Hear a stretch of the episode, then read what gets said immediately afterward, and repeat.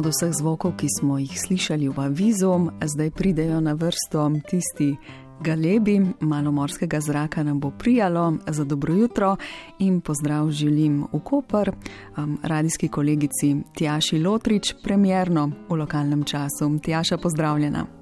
Lep jutranji pozdrav iz Kopra. Predlagam, mojca, da začneva kar pri mokriščih. V tem tednu smo namreč obeležili Svetovni dan mokrišč, ki nagovarja k pomenu ohranjanja narave. Na območju slovenske Istre imamo več mokrišč, soline v Strunjanu in Sečovljah, pa naravni rezervat Škocijanski zatok, kjer so doslej zabeležili okrog 260 vrst ptic.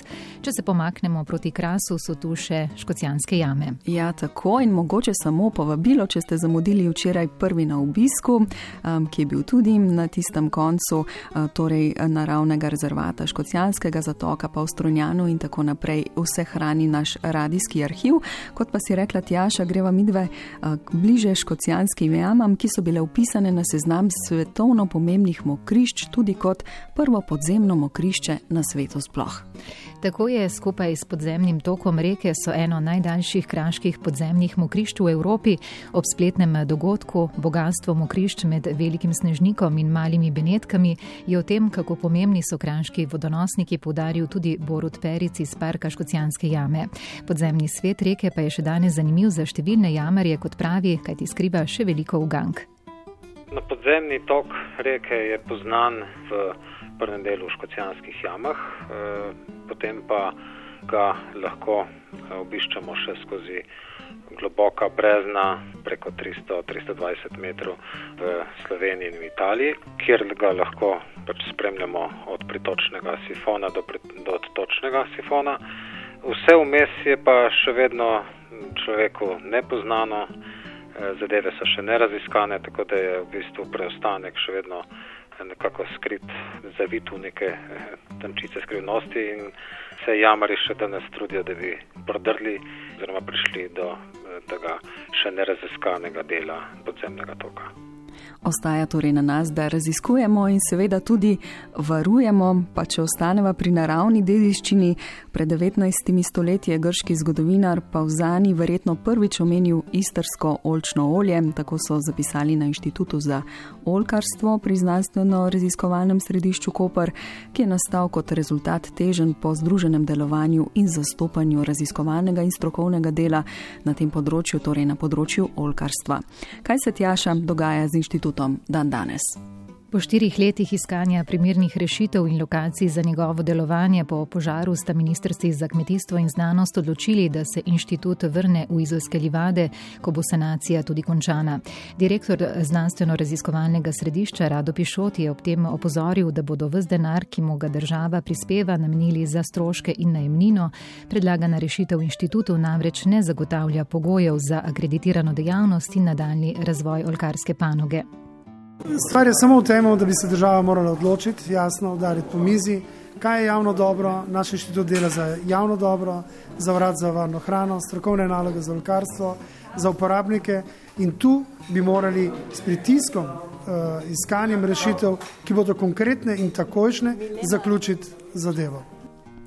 Ja, tako um, držimo pesti, da bo šlo dobro naprej, kajti zgodovina je zares obsežna. V četrtem stoletju so pred našim štetjem so menda olko prinesli k nam grški kolonizatori.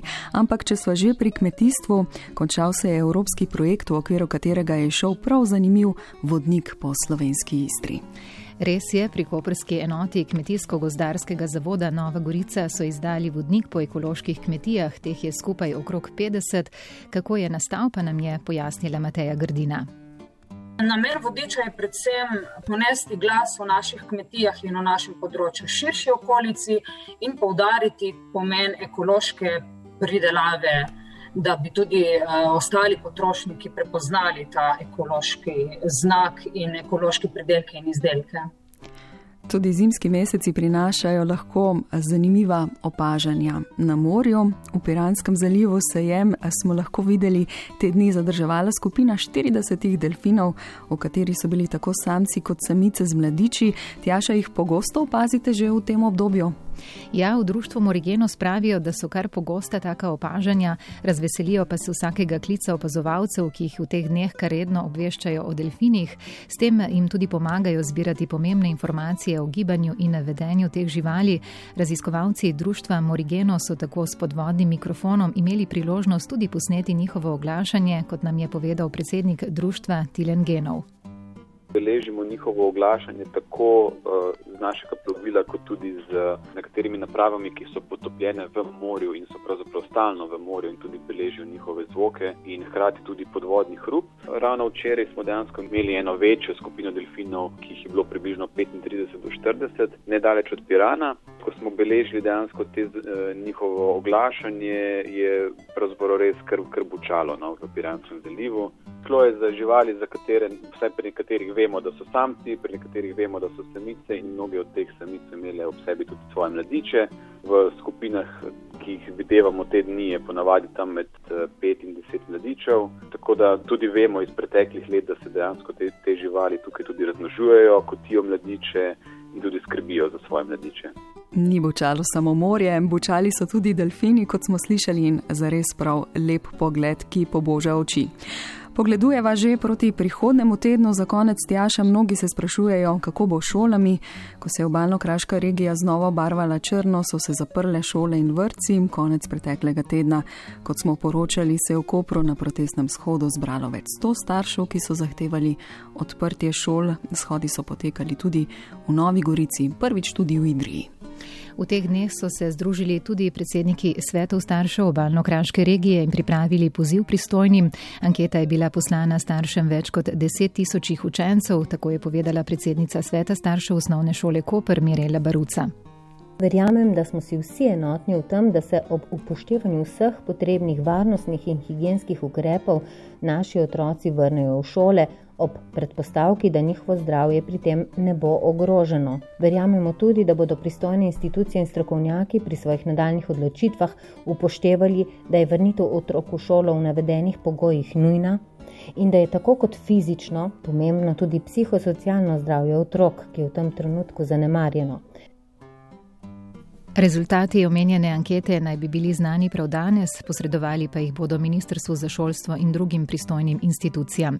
Za zdaj bodo še nadaljavo v šolah obeležili tudi kulturni praznik na različne načine, ponekod tudi z ogledom gledaliških predstav prek spleta. V Koperskem gledališču so tako za otroke pripravili kar 36 dogodkov. No, tukaj se splet dobro obnese, kaj posebnega pa pripravljajo prav na kulturni praznik.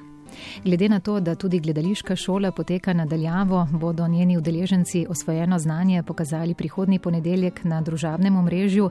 Najmlajša skupina gledališke šole Maurična Ribica se bo predstavila s pripovedovanjem zgodbe, ki je nastala po motivih pravljice Volk in sedem kozličkov.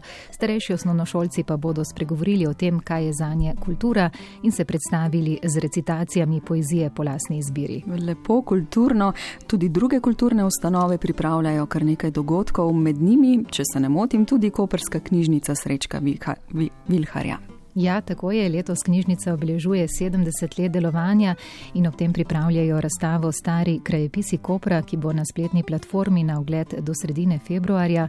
Prvič bodo tako razkrili epigram iz statuta Kopra, ki datira v leto 1668 in mnoge druge dragocene dokumente, ki jih hranijo tudi v Koperski knjižnici. No, tako bo zanimivo znova malo pokukati v preteklost, pa se kaj novega naučiti.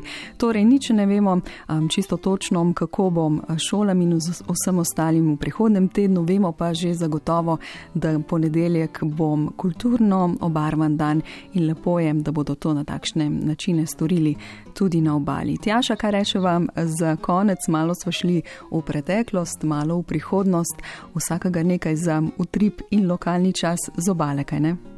Tako, mi vam pošiljamo lep pozdrav iz tega konca. Lepe pozdrave vračamo nazaj. Jaka Žagar in Tjaša Lotrič sta bila z nami na vse zgodaj zjutraj in nam posredovala torej, te informacije in pregled pisanega dogajanja eh, na obali na Primorskem. Mahamo nazaj željo do prihodnič v lokalnem času in prav k malu se bomo tja preselili tudi z glasbo.